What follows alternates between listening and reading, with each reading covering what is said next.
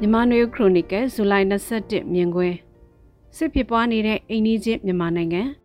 ထိုင်းမြန်မာနယ်စပ်မြို့ဖြစ်တဲ့မဲဆောက်မြို့ကနေလမ်းမြင်ရတဲ့မြန်မာနိုင်ငံဘက်ချမ်းကင်းပြည်နယ်ကတောင်တန်းတွေကစိန်ညို့နေပြီးညနေဘက်နေဝင်ချိန်မှာလိမ္မော်ရောင်တိမ်တိုက်တွေနဲ့မဲရောင်တောင်တဲ့အနာသက်တွေကနေဝင်ချိန်ရှုကင်းပကြီးကားတစ်ချက်တစ်ဖွဲကောက်ကြောင်းနဲ့ရောင်တွေကလိုက်ဖက်နေပါတယ်။အဝေးမှာတော့တောင်တန်းတွေရဲ့အနှိမ့်အမြင့်ကောက်ကြောင်းအနီးရှုကင်းမှာမြင်နေရတာတော့ ထိုင်းနိုင်ငံဘက်မဲဆောက်မြို့ရဲ့မီးရောင်တွေလမ်းမတွေစိုင်နှန်းတွေနဲ့သွာလာလှုပ်ရှားနေကြတဲ့ကားဆိုင်ကယ်တွေကုန်တင်ထရက်ကားကြီးတွေနဲ့ထိုင်းနိုင်ငံရဲ့နယ်စပ်မြို့ရှုခင်းဖြစ်ပါတယ်။ဒီရှုခင်းတွေမြင်နေရချိန်မှာပဲမကြာခဏကြားရတဲ့အတန်ကတော့မိုးနဲ့မြေကိုပဲ့တင်ထပ်သွားတဲ့အုံးဆိုတဲ့မြောက်လက်နက်ကြီးပောက်ကွဲတံဖြစ်ပါတယ်။မြို့ကန်တွေကမြို့ပေါ်မှာနေထိုင်ကြသူတွေကတော့ဒီလိုအတန်တွေက မကြာခဏမြန်မာနိုင်ငံဘက်ချမ်းကကြားနေကြမှုလို့အထူးဆန်းသပွဲမဖြစ်ကြပါဘူး။အိန္ဒိချင်းနိုင်ငံတွေကနေဆက်နဲ့မဝေးလာတဲ့နေရာတွေမှာဆယ်စုနှစ်ချီဖြစ်ပွားနေတဲ့ပြည်တွင်းစစ်ရဲ့လက္ခဏာရက်တွေလို့သဘောထားနေကြပုံရပြီးခိတခဏသို့မဟုတ်သတ်မှတ်ချက်ကာလကိုမသိတဲ့အချိန်တစ်ခုထိထိုင်းနိုင်ငံမှာနေထိုင်ခိုလုံနေကြရတဲ့မြန်မာနိုင်ငံသားတွေဖို့တော့ကိုယ်အိမ်ထဲမှာဖြစ်နေတဲ့ရံပွဲကိုအပြင်ကနေနားထောင်နေကြရတဲ့သဘောဖြစ်ပါတယ်။ဘယ်သူတွေဘယ်လောက်ထိခိုက်သေးဆုံးကြလဲ။ ဘယ်သူတွေထွက်ပြေးတိမ်းရှောင်ကြရပြန်ပြီလဲဘယ်မြို့နဲ့ဘယ်မြို့ဆက်သွဲထားတဲ့လမ်းတွေပိတ်ဆို့သွားပြီလဲဆိုတဲ့အတွေ့တွေပေါ်လာလိရှိတာဖြစ်ပါတယ်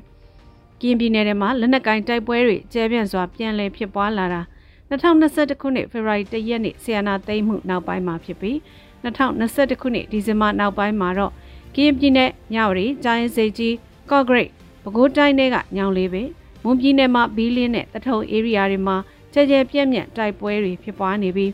ရီမိုဆောင်300ဒီစလုံး6တွေ့တာဆူဆွတ်တာတွေဂယုမဆိုင်အားပဲတိုက်ပွဲတွေဖြစ်ပွားနေခဲ့တာဖြစ်ပါတယ်။လက်နက်ကိုင်းအင်အားစုတွေလည်းကရင်ပြည်နယ်နဲ့ထိုင်းနယ်စပ်စတဲ့ area တွေမှာထပ်မံဖွဲ့စည်းခဲ့ကြပြီးလွန်ခဲ့တဲ့ဆယ်စုနှစ်တွေကထက်အင်အားအများအပြားတိုးတက်လာခဲ့တာဖြစ်ပါတယ်။ဒီလက်နက်ကိုင်းတိုက်ပွဲဒေသမှာနေထိုင်ကြသူတွေမိသားစုတွေကြည်ရွာလိုက်ဒေသခံတွေလက်နက်ကိုင်းအင်အားစုတွေကိုထောက်ခံအားပေးသူတွေဖို့မဲဆောက်မြို့နဲ့ ထက်ခရိုင်ဒေသတဝိုက်ကစစ်ဘေးကြုံရင်လက်ဇမင်းနိကိတခိုလုံကြတဲ့နေရာတူးချင်းအနေနဲ့မဲဆောက်မြို့မှာလာရောက်ခိုလုံနာခိုရာတစ်ခုလည်းဖြစ်ပါတယ်။မဲဆောက်မြို့ကငကိုကလေးကတရဝင်လက်မှတ်ရှိတဲ့သို့မဟုတ်မရှိတဲ့ရွှေပြောင်းအလုပ်သမားတွေရဲ့နေထိုင်လုပ်ကိုင်းစားတောက်ရာမြို့တစ်မြို့ဖြစ်နေခဲ့ရာကဆီယနာသိမ့်ပြီးပြည်ရင်းမတည်ငြိမ်မှုနိုင်ငံရေးအကြက်တဲကရွှေပြောင်းအလုပ်သမားတွေပုံမရောက်လာဖို့တွန်းအားဖြစ်စေခဲ့တယ်လို့ နိုင်ငံရေးရပြည်ရင်းမှာဖမ်းဆီးတပ်ဖြတ်ခံရမယ့်အရေးမှာတိန်ရှောင်သူတွေနဲ့မဲဆောက်မြို့ဟာမြန်မာနိုင်ငံသားတွေရုပ်ချီးတိုးတက်များပြားလာတာဖြစ်ပါတယ်။မဲဆောက်မြို့မှာစီးပွားရေးကြောင့်ဖြစ်စေနိုင်ငံရေးကြောင့်ဖြစ်စေအကြောင်းတစ်ခုခုကြောင့်ခိုလုံနေထိုင်ကြရသူတွေဖို့ကိုယ်ရင်ပြင်ပမှာနေရင်အိမ်ထဲမှာဖြစ်နေတဲ့အဖြစ်အပျက်တွေကိုစိတ်မချမ်းမြေ့စွာ